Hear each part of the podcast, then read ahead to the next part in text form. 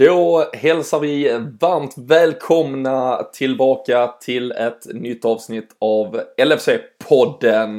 Det eh, är ju VM-tider och eh, lite stiltje på klubblagsfotbollen, eh, framförallt ur Liverpool-perspektiv. Men eh, vi eh, ska skrapa botten på tunnan för att säkert hitta intressanta saker och ting att diskutera här idag. Eh, men eh, blir såklart lite VM-touch och eh, känsla för vad Liverpool-spelarna har åstadkommit så här långt borta i Ryssland. Vi gör eh, i vanlig ordning det här avsnittet likt alla andra tillsammans med LFC.nu och eh, den svenska supporterklubben som ni återfinner där. Eh, perfekt läge nu att signa upp sig så att man är med och har medlemskapet eh, kirrat och klart inför säsongstart.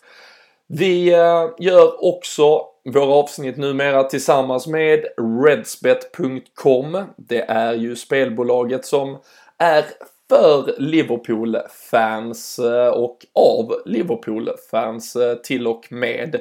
De eh, ser till att 50% av nettoöverskottet går tillbaka till samhället, supporterföreningar och helt enkelt ger tillbaka till Liverpool och dess fans om man spelar via deras sida. Glöm inte att regga er just med LFC-podden som er branch om ni signar upp och det tycker jag att ni ska göra.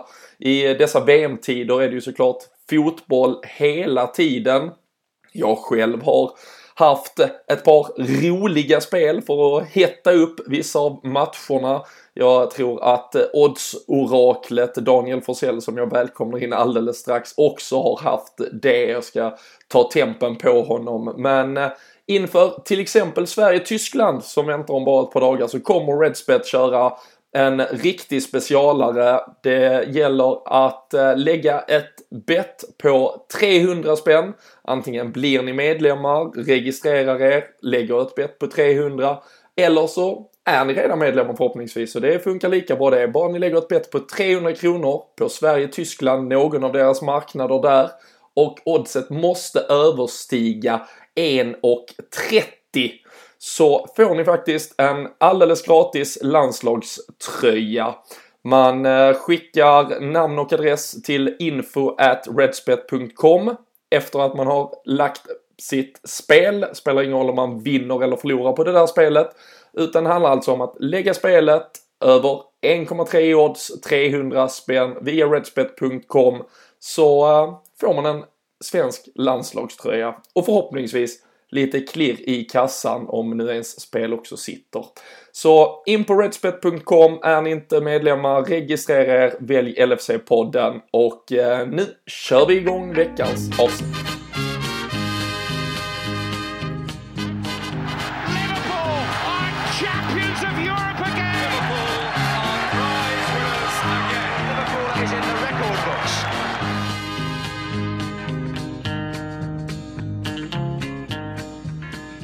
Jajamän, då äh, sitter äh, vi här äh, igen och nu har jag en anfallspartner att se till att göra något kreativt tillsammans med Ska vi så här i VM-tider kalla oss Ola Toivonen och Marcus Berggren?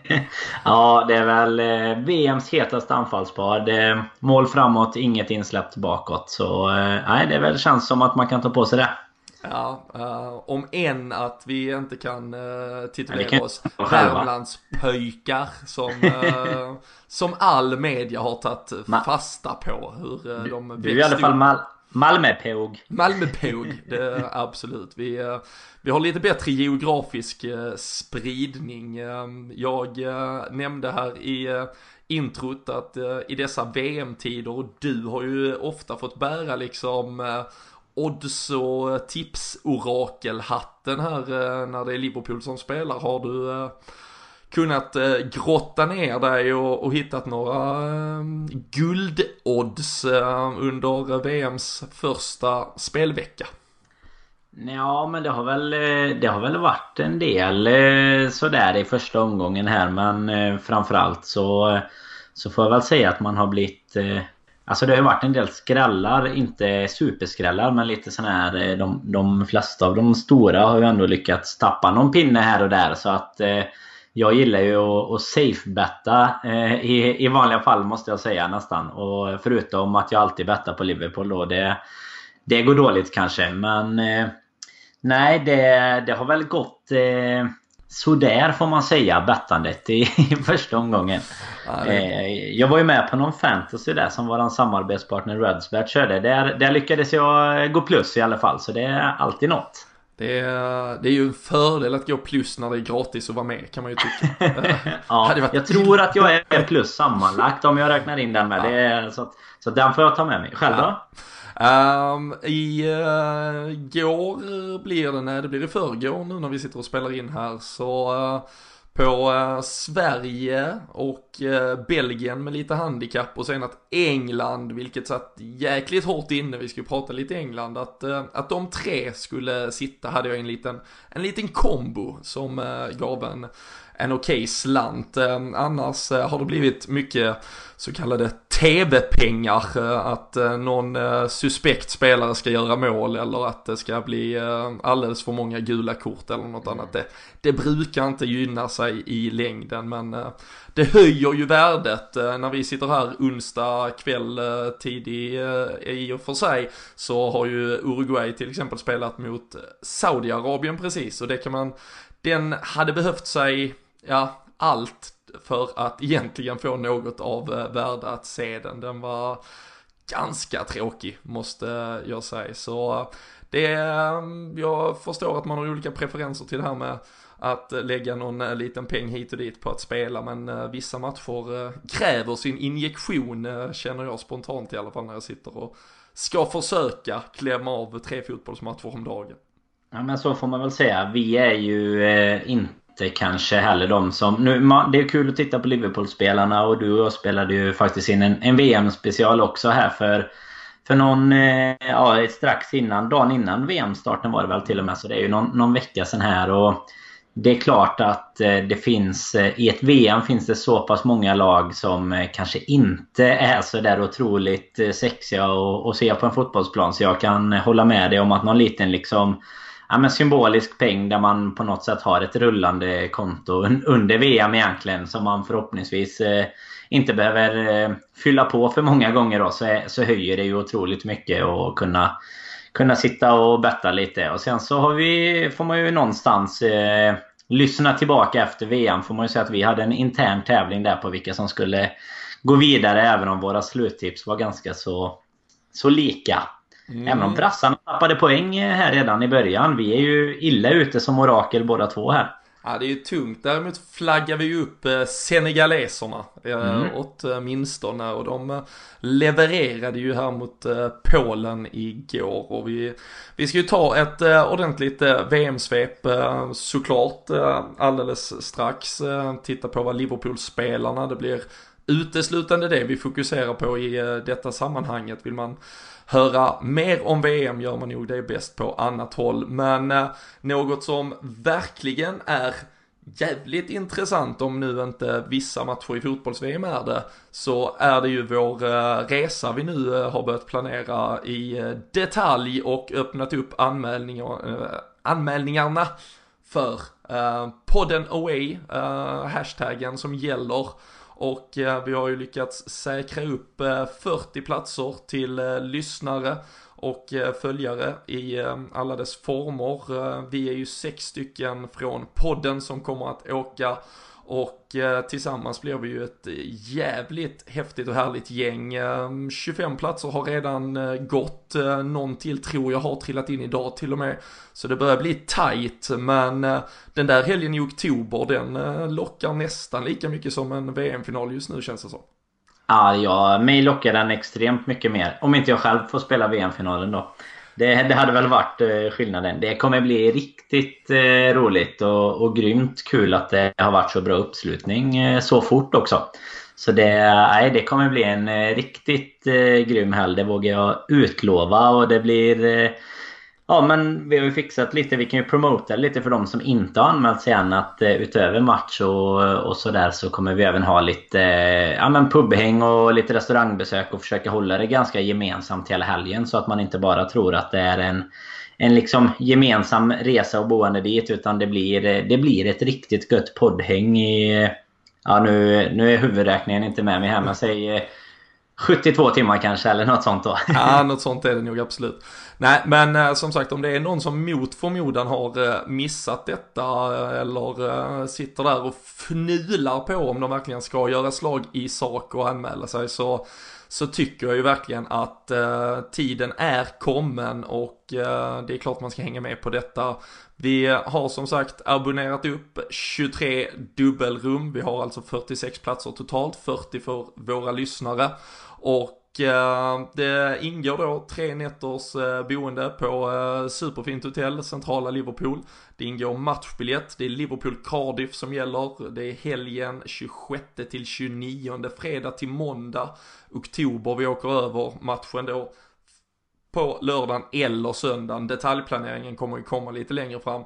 I paketet så ingår det såklart. Det ingår även en middag. Vi bokar upp någon topprestaurang och käkar en eh, riktigt härlig gemensam middag hela gänget. Och eh, där har man maten betald.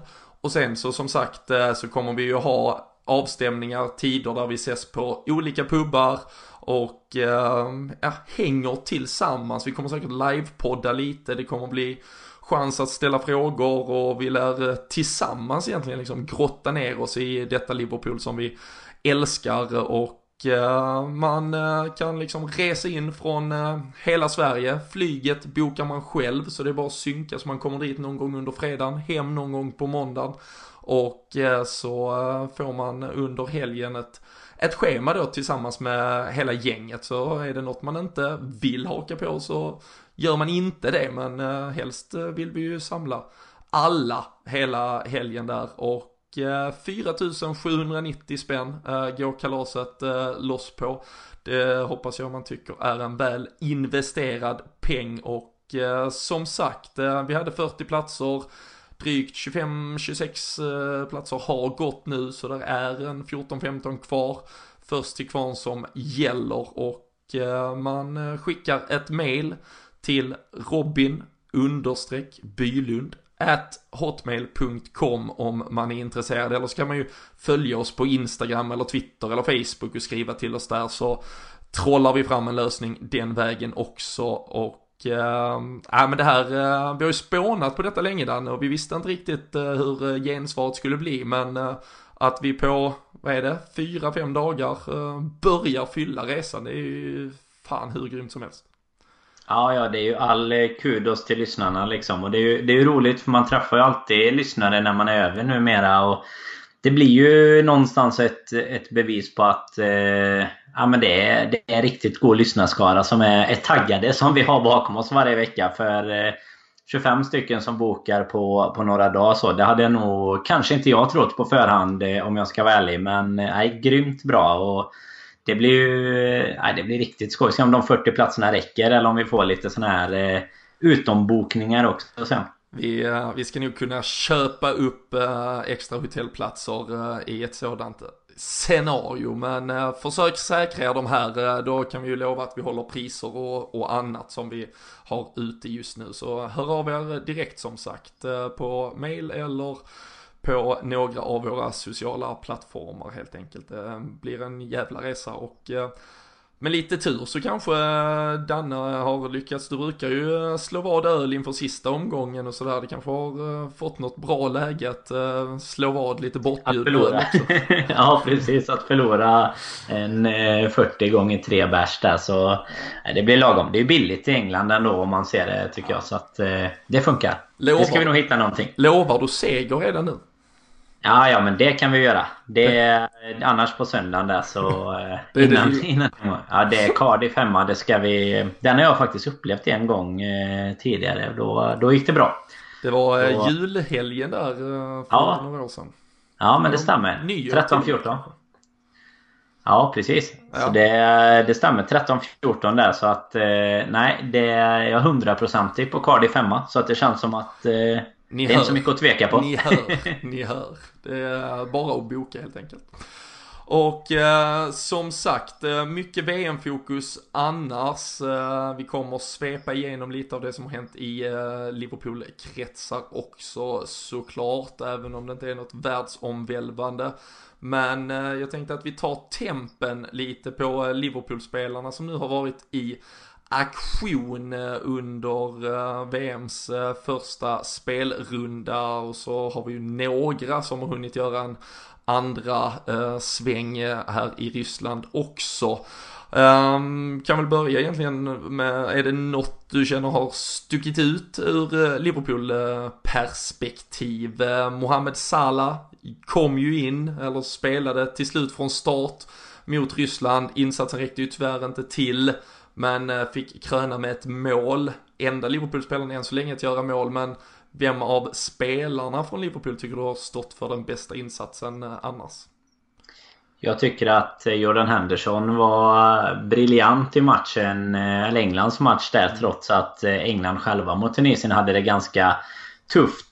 Och alltså de, de ska ju vara väldigt mycket bättre tycker jag än vad de lyckades att prestera med det laget de har. Och de spelar ju riktigt bra första var det 20-25 kanske? Första eller vad fem kan, kan de ju göra tre mål. Ja men precis. De har ju extremt mycket i början. Då kände man ju att det blir en sån här eh, typ 5-6-0 nästan. Men eh, nej, det tog sig eh, tillbaka där och Walker med någon, någon skum armbåge upp i ansiktet på en, en tunisier där. Så var det, var det 1-1 istället. Och ja, Harry Kane man... Eh, sitter ju mest och svär över honom. Man har inte riktigt förlåtit honom för det som hände på Anfield än heller. Så att, eh, men eh, man blir ändå glad för Henderson. Så eh, ja, Alexander Arnolds skull också. Även om inte han fick spela då. Så att, det är väl det, det som jag tycker har stuckit ut mest. Även om Mané också var, var bra så. Salah, som du nämnde, försökte ju verkligen i... Igår är det ju nu då när vi sitter och spelar in som, som de förlorade mot Ryssland där med 3-1. Man märkte ju hur mycket han ville detta men nej, räckte inte riktigt. Egypten är väl som vi nämnde i vårat VM, våra VM-tips och vårat VM-avsnitt här att det inte kanske är världens bästa landslag i övrigt. Utan det är väl en spelare som har, har ansvaret och när det inte riktigt funkar. Man märkte tycker jag att han eh, var lite tagen av att han inte har spelat på ett ganska bra tag då. Kanske inte kunnat träna fullt och sådär. Ja men absolut. Jag, jag tyckte man såg ganska tydligt, jag har sett här förbundskaptenen gick ut efteråt och sa att nej, men han var verkligen 100% redo för den här matchen. Men eh, jag tyckte man såg i hans rörelsemönster, jag tyckte man såg i hans närkampsspel att eh, det där var inte en kropp han ville utsätta för 100% belastning eller, eller fysisk eh, kontakt helt enkelt och eh, nästan lite smått bisarrt att han blir neddragen i eh, en situation då som leder till straffen. Eh, typiskt ryskt att vilja skada honom.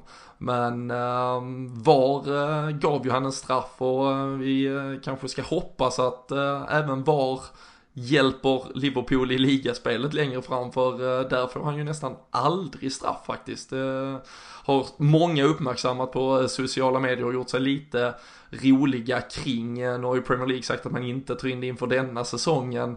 Men kan nog ligga något i det väl ändå, att, att Liverpool är ett lag som faktiskt över tid hade gynnats av just granskade domslut i straffområdet. Ja, tittar vi på säsongen som var nu så är det ju inget snack om saken. Vi, eh, alltså dels eh, för och även emot då så att eh, Nej, det är verkligen den typen av spelare som Salah och Mané framförallt. Eh, snabba, explosiva sådär. De, de tror jag blir lite förfördelade liksom vad gäller straffar. Alltså hellre fria än fälla säger man väl i, i domarkretsar i alla fall när eh, jag som har dömt två P12 matcher ungefär.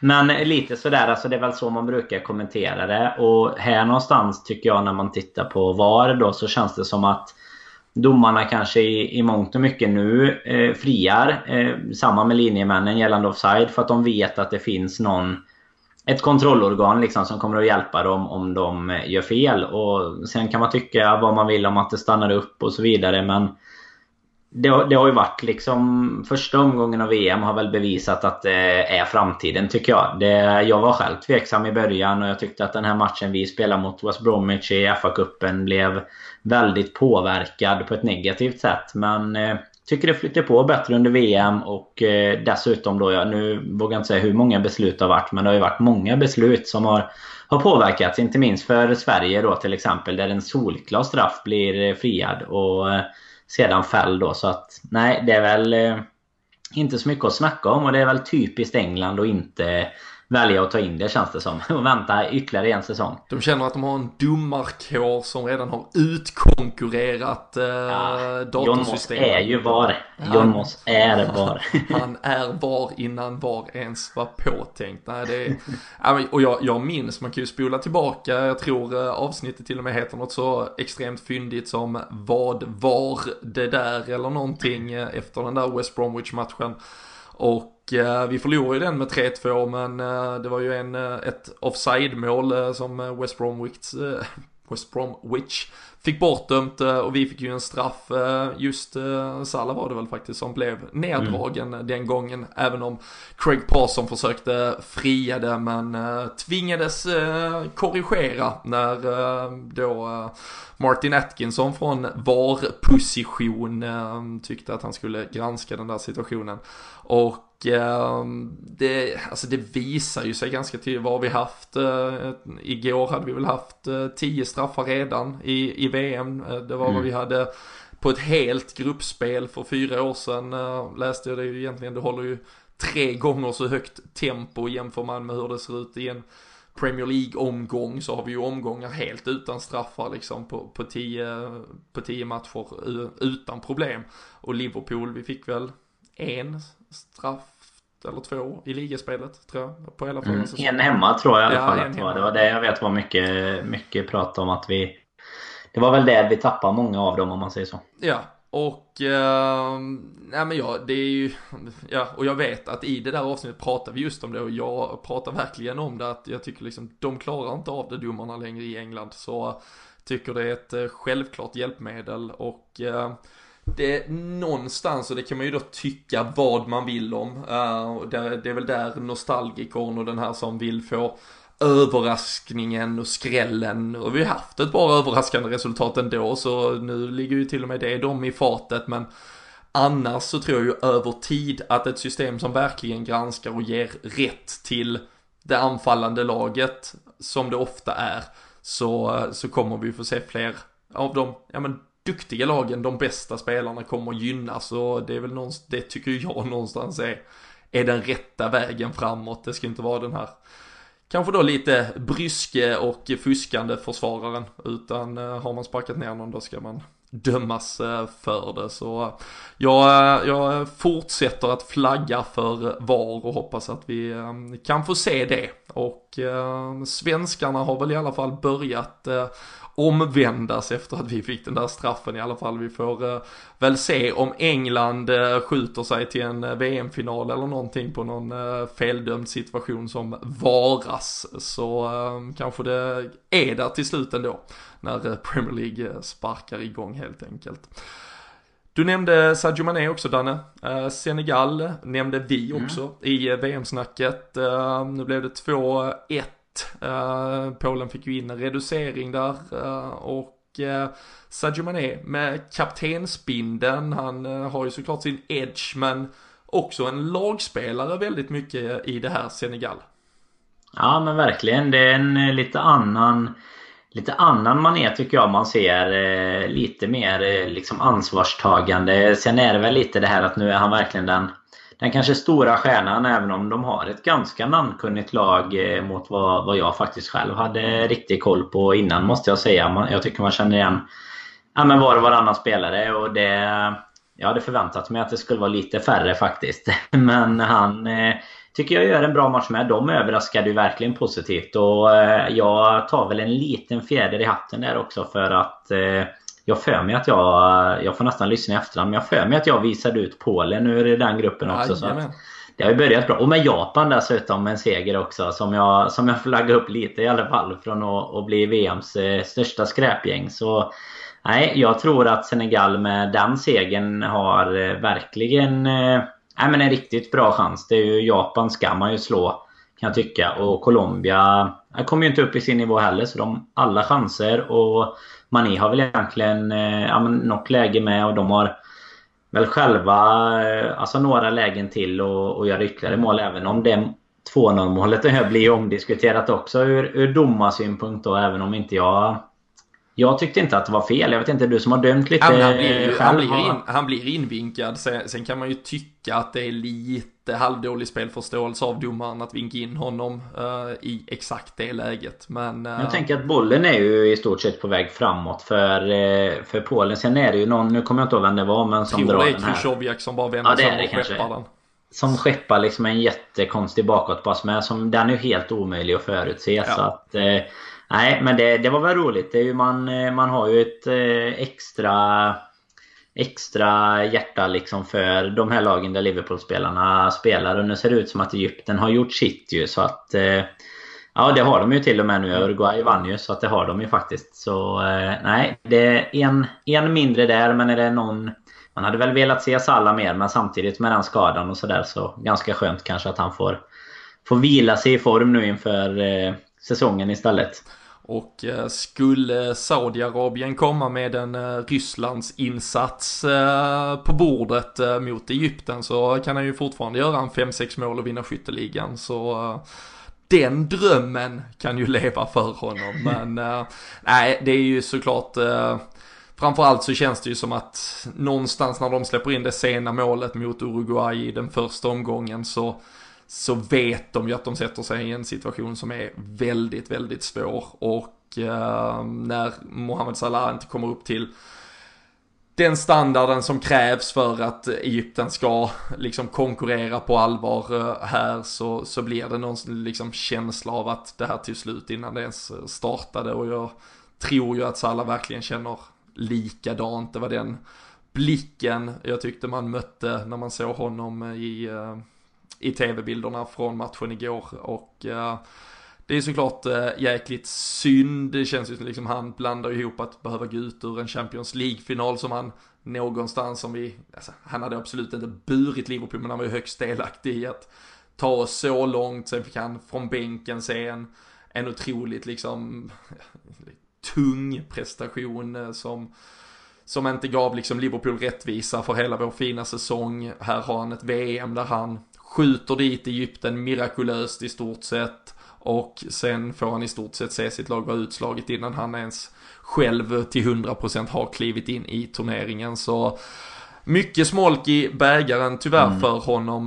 Men eh, som sagt vi får hoppas att det istället han kan få avsluta med ett par mål kanske mot Saudiarabien. Eh, slicka såren, ta semester och eh, komma tillbaka hungrigare än, än någonsin. Egentligen. Och eh, som sagt, eh, Mané och deras, eller hans Senegal, där lever ju däremot eh, slutspelsdrömmar och du var inne på Jordan Henderson och England. Eh, håller med dig till 100% eh, också i stort sett ensam inom mittfältare i det där England. Eh, Dele Alli ja. och eh, Jesse Lingard i någon offensiv triangel framför sig som eh, skulle hjälpa till ibland. det var inte ofta de gjorde det men det var ju eh, Gerard-klass nästan på, på Henderson. Han spelar ju, brukar ju få kritik för sitt sidledspassande. Här var han den som verkligen satte fart på bollen framåt tyckte jag. Det ska man ju berömma eh, när det väl är på sin plats. Ja, verkligen. Och riktigt bra eh, alltså långbollar och crossbollar och sådär. Och lite, lite mer eh, framåt Eh, inriktad tycker jag än vad han har varit i Liverpool också. Men det, det kanske också har lite med motståndet och klassen och sådär att göra. Men eh, nej, det, det ser riktigt bra ut. Han lär ju vara cementerad nu i alla fall för resten av turneringen. Det var ju lite osäkerhet. Han, om jag inte minns fel så var det så att han inte startade om det var sista eller näst sista träningsmatchen där och det var lite snack om det kunde vara Eric Dyer istället och hur de skulle mönstra det där mittfältet. Men eh, nej, han känns gjuten och England ska väl också ta sig vidare. Nu har de eh, Panama här i, mm. i nästa. Så att det känns väl som även om inte de fick igång sitt spel riktigt mot Tunisien så tror jag inte att de ska lyckas eh, de ska nog inte lyckas eh, ramla ur även om ett kryss mot Tunisien hade ju gjort det hela lite mer spännande. För jag tror väl att de är snäppet bättre än vad Panama är också så sett då. Nej, jag, eh, jag flög ju upp för att han eh, kanske inte skulle ta den där eh, rollen, men det, det gjorde han ju.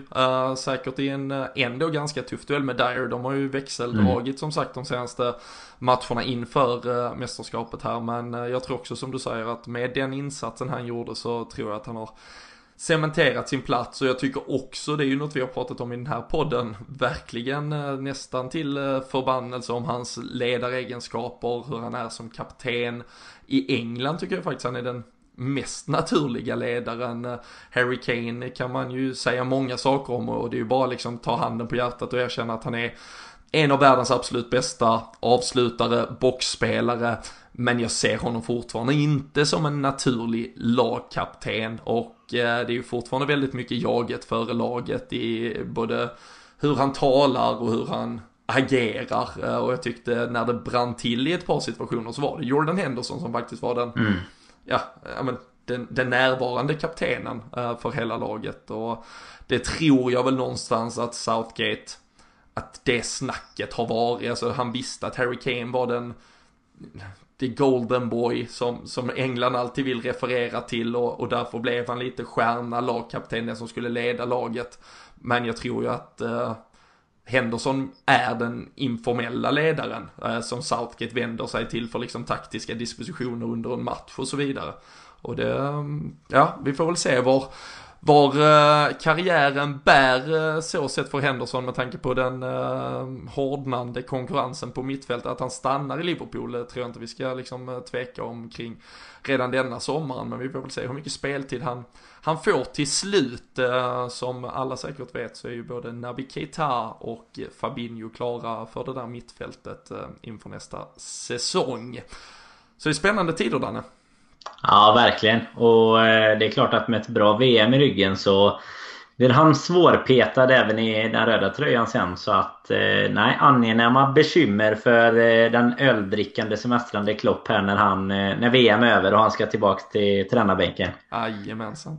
Uh, I det engelska laget i övrigt, uh, Trent Alexander-Arnold satt uh, 90 minuter på bänken i samma grupp. satt Simon Mignolet på bänken för eh, Belgien som vi också eh, flaggade upp för eh, här senast. Marko Grudzic fick inga minuter för sitt Serbien och i övrigt så är Dejan Lovren då för Kroatien. De fick ju en smakstart också med 2-0 mot Nigeria. Mm, det var ju ingen eh, supermatch där sen eh, lördag kväll men eh, nej för, för deras skull var det ju perfekt. bra start och stabil om man säger så då. Även om inte de imponerar tyckte inte jag spelmässigt. Men eh, Lovrens insats var det absolut inget fel på. Nej. Det ja, kändes bra. Jag hade ungefär eh, lagom till matchstart tagit mig tillbaka från Spartak Stadium eh, och Island-Argentina. Så eh, ja, det var ju samma grupp där och var med rätt mycket islänningar som jag tog hand om på en liten tripp då till Moskva. Och eh, de var ju eh, fullt upptagna med att fokusera på sin egen insats snarare än att eh, spana in gruppmotståndet där framåt småtimmarna på lördagskvällen. Så det är faktiskt en av matcherna jag inte har sett en enda sekund ifrån så det är svårt att bedöma just insatsen där. Det var väl en jäkla tur att ni inte satt och hårdbevakade den matchen istället för att njuta i Moskva kan jag säga. För det var, det var ingen fotbollsgodis direkt utan eh, en ganska så så stabil insats och snarare ett eh, förvånansvärt dåligt Nigeria än ett bra Kroatien skulle jag säga. En straff även det ju som, som det har varit i stort sett i varje match. Man, eh, och man önskar ju egentligen att det ska gå lite bättre för Nigeria efter att eh, man har sett deras lagkostymer och, och allt annat. Ja, verkligen. Men så är det. Och nu, nu växlas det ju upp. Redan här i andra omgången kommer vi ju se lag som cementerar sin plats i slutspelet. Vi kommer få eh, vinka adjö till ett par lag och eh, sen eh, kommer ju de avgörande gruppspelsmatcherna och vi fortsätter ju ta tempen på Liverpool-spelarna här.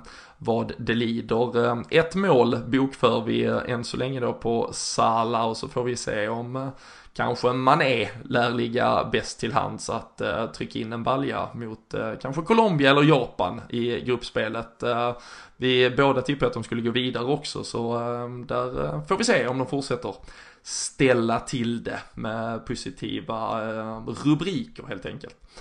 Men eh, i VM-flödet så lämnar det inte jättemycket plats åt eh, Liverpool-nyheter. Jag vet inte, är det något eh, du har sprungit på som du har eh, fastnat för med Liverpool ögon eh, de senaste veckorna denna, eller den senaste veckan det, egentligen? Ja, det, det, är väldigt lugnt vad gäller silly season eh, just nu och det som, eh, som jag... Det enda i stort sett som jag reagerat över det var att Brewster ryktas ha skrivit ett nytt kontrakt. Det är väl bekräftat från i stort sett alla utan Liverpool själva om, om jag har sett rätt här. Ja, du, att, du, du har dina kort rätt i hand.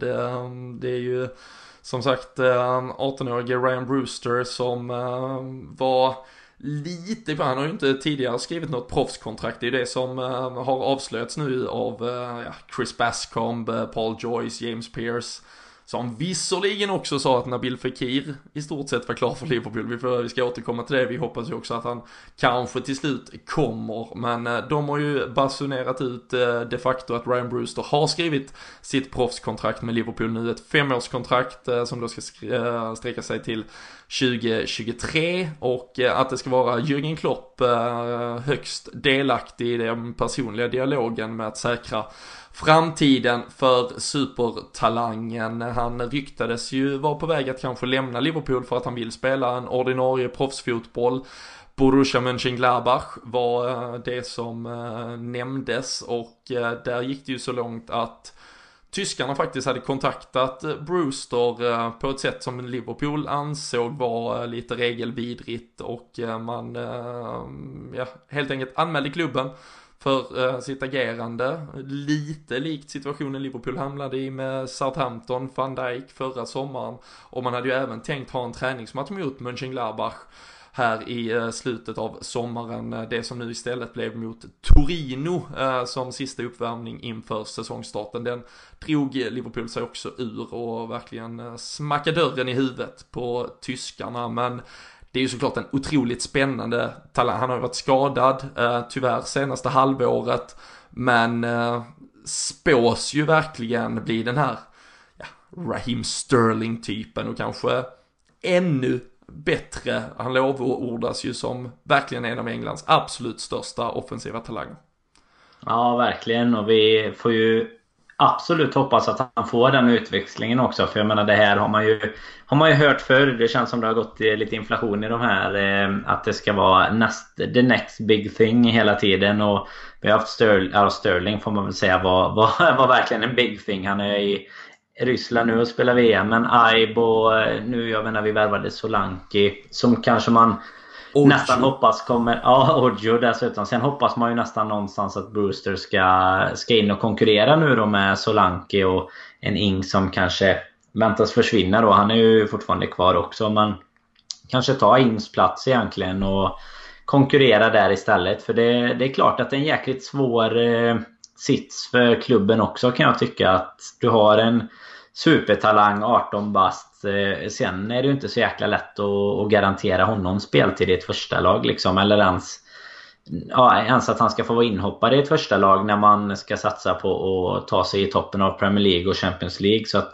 det är ju en svår situation både för spelare och klubb tycker jag. Och det märker man ju på ett lag som Chelsea som har ja, 30 spelare utlånade varje säsong eller någonting. Eh, det är väl den vägen man kan gå men samtidigt känns det inte som att jättemånga av de där utlånade spelarna till slut hamnar i, i klubben heller. Utan man, man är utlånad en, två säsonger och sen hamnar man där på permanent basis. Och vi har ju några till med Harry Wilson som gjorde ett bra mm. låneuppehåll i Hall. Och Ejaria som eh, hade lite tuffare i, i Sunderland så sätt men som också inför denna säsongen var liksom på tapeten till att också konkurrera om en första lagsplats. Så att, eh, Nej, det finns, eh, finns folk där bakom. Det, det, det som sägs av, av samma journalister som eh, då har eh, avslöjat då lite på förhand hans eh, kontrakt här är ju att Klopp ska ha gett honom löftet att vi inte kommer att värva någon annan renodlad anfallare för att konkurrera med en Roberto Firmino till exempel.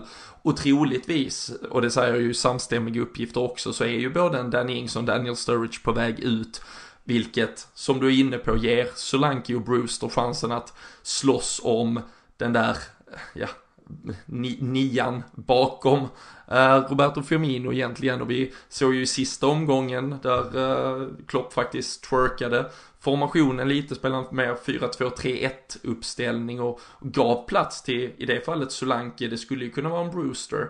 Och ändå behöll den här trojkan av uh, offensiv kvalitet bakom och vi får väl se var det hela mynnar ut, eh, men eh, som du säger, jag håller med helt och hållet, den där balansen och vi fans vill ju ha, vi vill ju både verkligen äta kakan och, och, och spara den i detta fallet ja. för det, vi vill se talangerna komma fram, men vi vill fan inte att vi går mållösa en match mot Cardiff hemma till exempel för att vi gav Brewster chansen. Så vi vill ju ge han den och så ska han leverera direkt. Eh, Michael Owen eh, kvalitet förväntar vi oss direkt och det det får man ju kanske inte alltid. Så eh, den där balansgången är ju jättesvår, men vi, vi hoppas ju såklart att Ryan Brewster ska vara någon form av ja, undantag som bekräftar regeln här och och får eh, fart på karriären direkt från ungdomslag upp eh, till eh, ett A-lag i Liverpool utan att han ska harva eh, fyra år i eh, suspekta Championship-klubbar innan han blir såld till Steven Gerrards Glasgow Rangers eh, som alla andra Liverpool-spelare ryktas bli nu för tiden när de inte riktigt har lyckats. Du nämnde Ejaria, han går ju dit ett år bland annat. Och eh, nu kommer uppgifter eh, att eh, poddfavoriten tillika frisläppt eh, från, eh, från både rättsväsendet och Liverpool, eh, John Flanagan, eh, ska vara på medicinsk check, läkarundersökning i, i Rangers och bli ja, eh, en Gerard-adept eh, där också. Det, det, det höjer ju inte vårt intresse för Glasgow Rangers direkt. Nej, det är på tal om att harva runt i, i Championship-klubbar. Han har väl inte gjort eh, mycket annat än att, än att harva i fotbollsmässiga livet i alla fall sen, sen den 13-14 säsongen där. Och han var väl utlånad till Bolton nu om inte jag mm. missminner mig ett sista halvår som... Jag vet att jag var inne och kikade några gånger på, på någon sån här live score-up om han han var med, men jag tror aldrig hans, han var knappt med i matchtruppen. Liksom. Jag vet inte riktigt hur de lyckades få någon deal där. Eh, vad Bolton eh, tänkte. De kanske fick eh, lite pengar emellan eller någonting. Nej, det, det vore väl en eh, mycket konstig värvning som eh, befäster det här om att eh, Celtic kanske joggar hem i en liga till om eh, Rangers ska ha Flanagan på ytterbacken.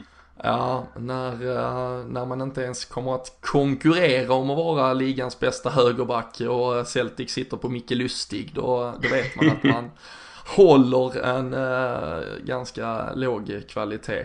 Men uh, nej, för fan Steven Gerrard, att du plockar in John Flanagan. Det, mm, Uh, ska, jag ska inte gå så långt och säga att det på något sätt uh, svärtar ner något uh, eftermäle men uh, John Flanagan har vi kände vi ju var avklarad. Vi vill inte få anledning att behöva återkomma till honom tycker jag. Ehm, en, ehm, en, eh, en poddfavorit i den omvända sektorn får, väl, eh, får vi väl konkludera hans tid i Liverpool med helt enkelt. Och han blev ju frisläppt nu då, eller blir det officiellt den 30 juni. Klubben kommunicerade ju det för ett par veckor sedan.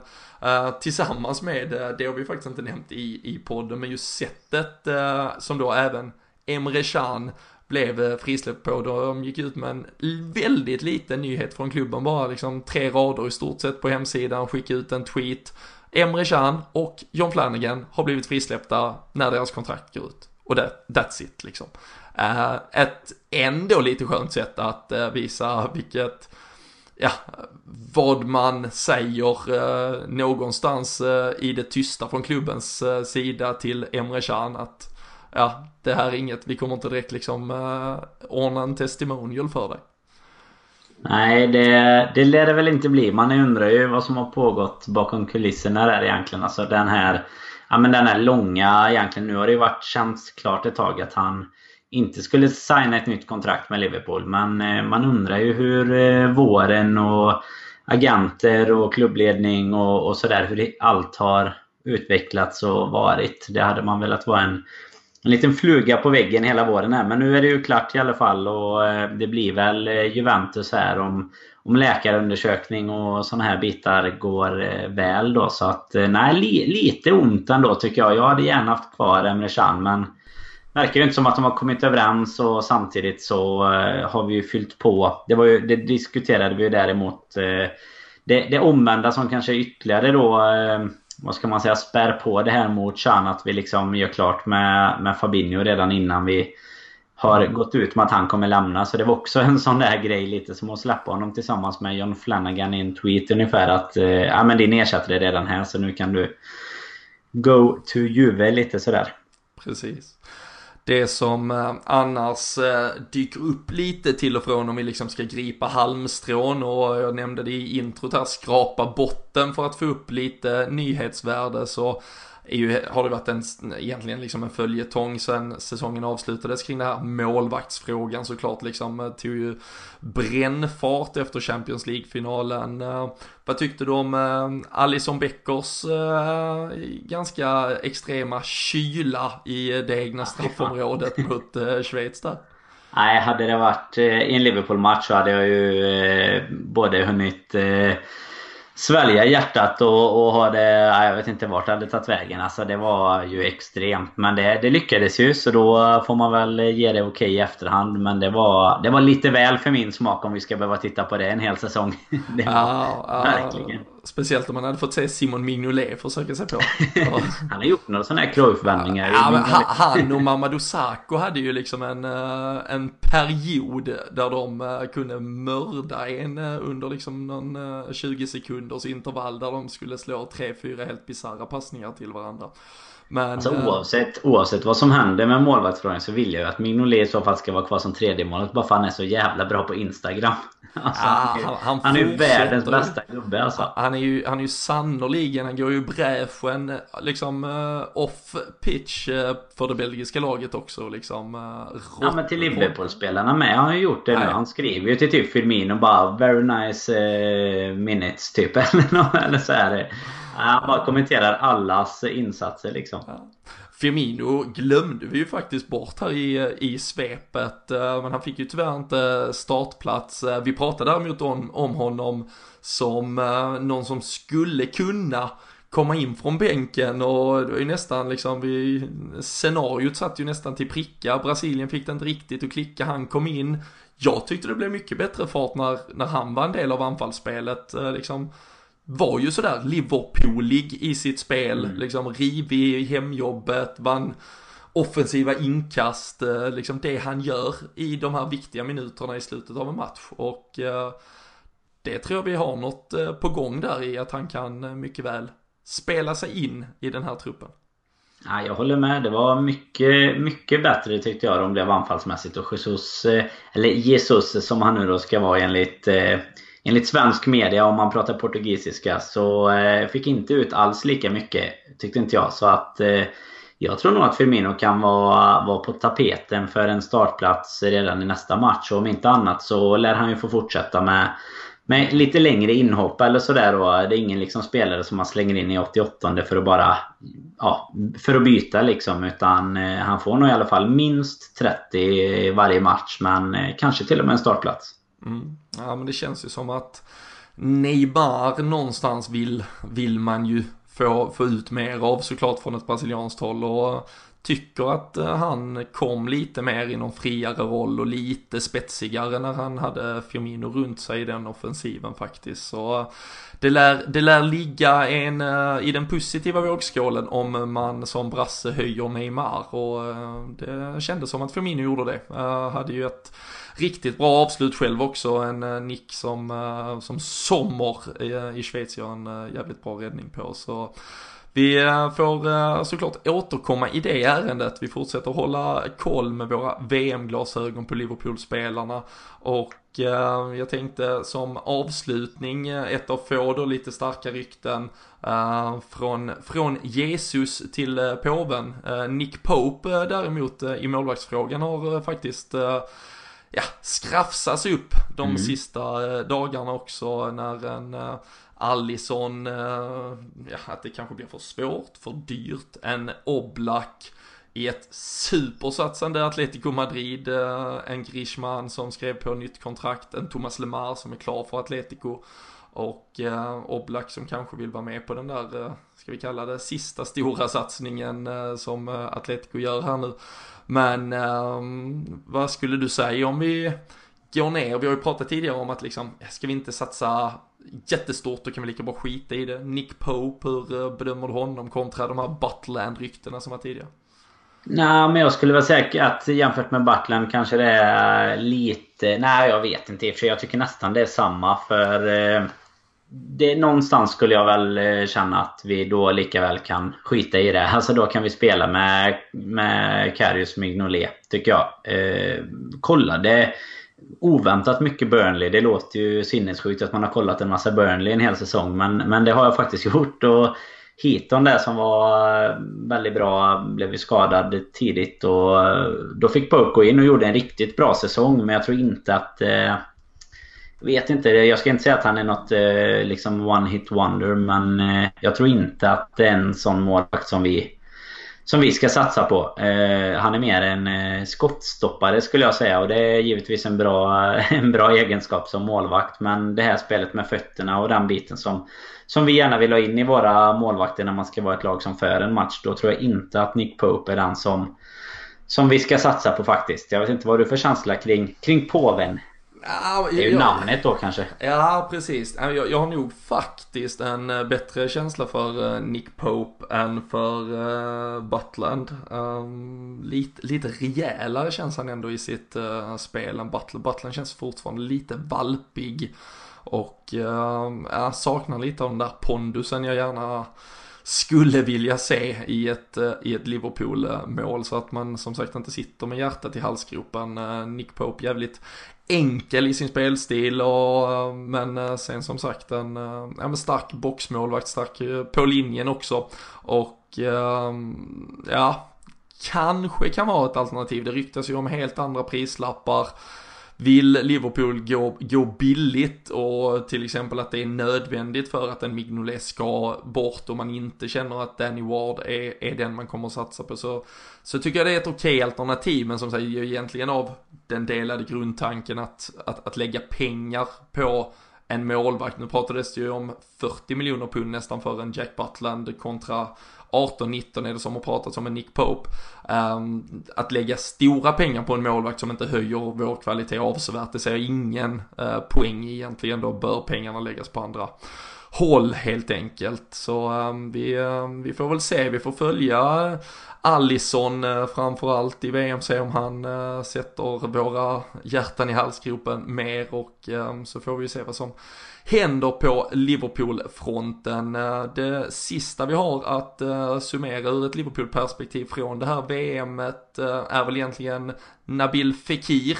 Eh, franska eh, offensiva vapnet som eh, inte fick starta mot Australien men kom in, spelade sista 20 för Frankrike när de besegrade Australien.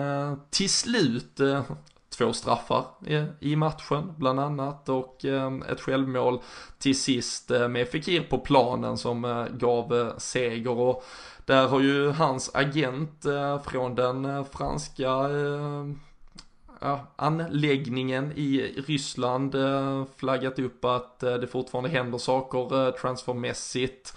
Fick ju frågan vad som hände kring den där Liverpool-affären och då skrev, sa han liksom på jag vet inte om han blev chockad av frågan men uh, hans svar var ju ganska uselt. Det var ju stil med att han skrev inte på för att ja men det är inte slut på denna historien. Och så skrattar han, typ.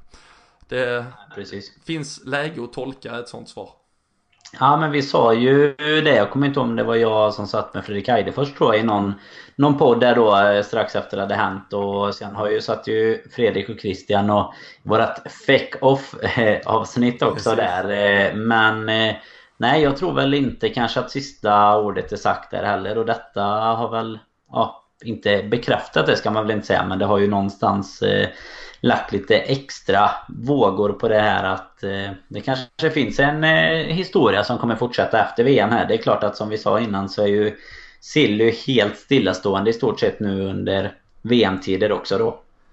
Ja, äh, men så är det ju och eh, de flesta landslag eh, har ju såklart eh, stängda eh, liksom, grupper. Det är inte aktuellt att det ska läkarundersökas eller eh, signeras kontrakt eller något annat egentligen. Eh, det är ju eh, Thomas Lemar där till, till Atletico Madrid har ju kommit eh, under egentligen VM-samlingen här. Men annars har det varit total stiltje i stort sett. Eh, men eh, vi är eh, på tårna redo med avsnitt om något storartat skulle hända och annars ser vi såklart till att återkomma på veckobasis med lite VM-koll och uppsummeringar på allt annat som sker på Liverpool-fronten. Och ehm, för nu känner vi väl oss eh, ganska nöjda. Vi eh, återblickar eh, till vad vi sa i början av avsnittet tycker jag. Poddresan, den, den är väl det första man ska ta tag i när man har lyssnat klart på det här avsnittet egentligen. Dra iväg det där mejlet, om man nu inte pausade direkt här för en halvtimme sedan och gjorde slag i sak. Nej, verkligen. In och kolla om inte annat om man inte har har eh, sett något mer om det innan, ställ gärna frågor om det är något man undrar på, på Twitter gällande till exempel det här med flyg och sådär. Vi, vi kan väl garantera att Göteborg, Stockholm och Köpenhamn i alla fall kommer vara tre destinationer som kommer att och fyllas av poddresenärer den dagen då, eh, fredagen där den 26. Så att eh, nej, Precis. fråga oss gärna och annars mejla och boka. Yes, um, så in och kolla på eh, Twitter, eh, där heter vi ju LFC-podden, eh, där finns all info i skrift om man vill se det på pränt framför sig och som sagt har man frågor så är det bara att skriva till oss där. Det finns möjlighet att vi eh, hjälper er med mm, flygbokningar också om man vill det. Annars kan man bara få tips på vilka flighter vi tar så kan man hänga med direkt på samma. Så eh, inleder vi eh, med en öl eller några stycken från eh, diverse avreseflygplatser och ser till att få en riktigt häftig helg i Liverpool tillsammans. Eh, vill ni boka och säkra er plats direkt så slänger ni ett mail till robin bylund hotmail.com och eh, nu stänger vi igen veckans avsnitt och så hörs vi snart igen.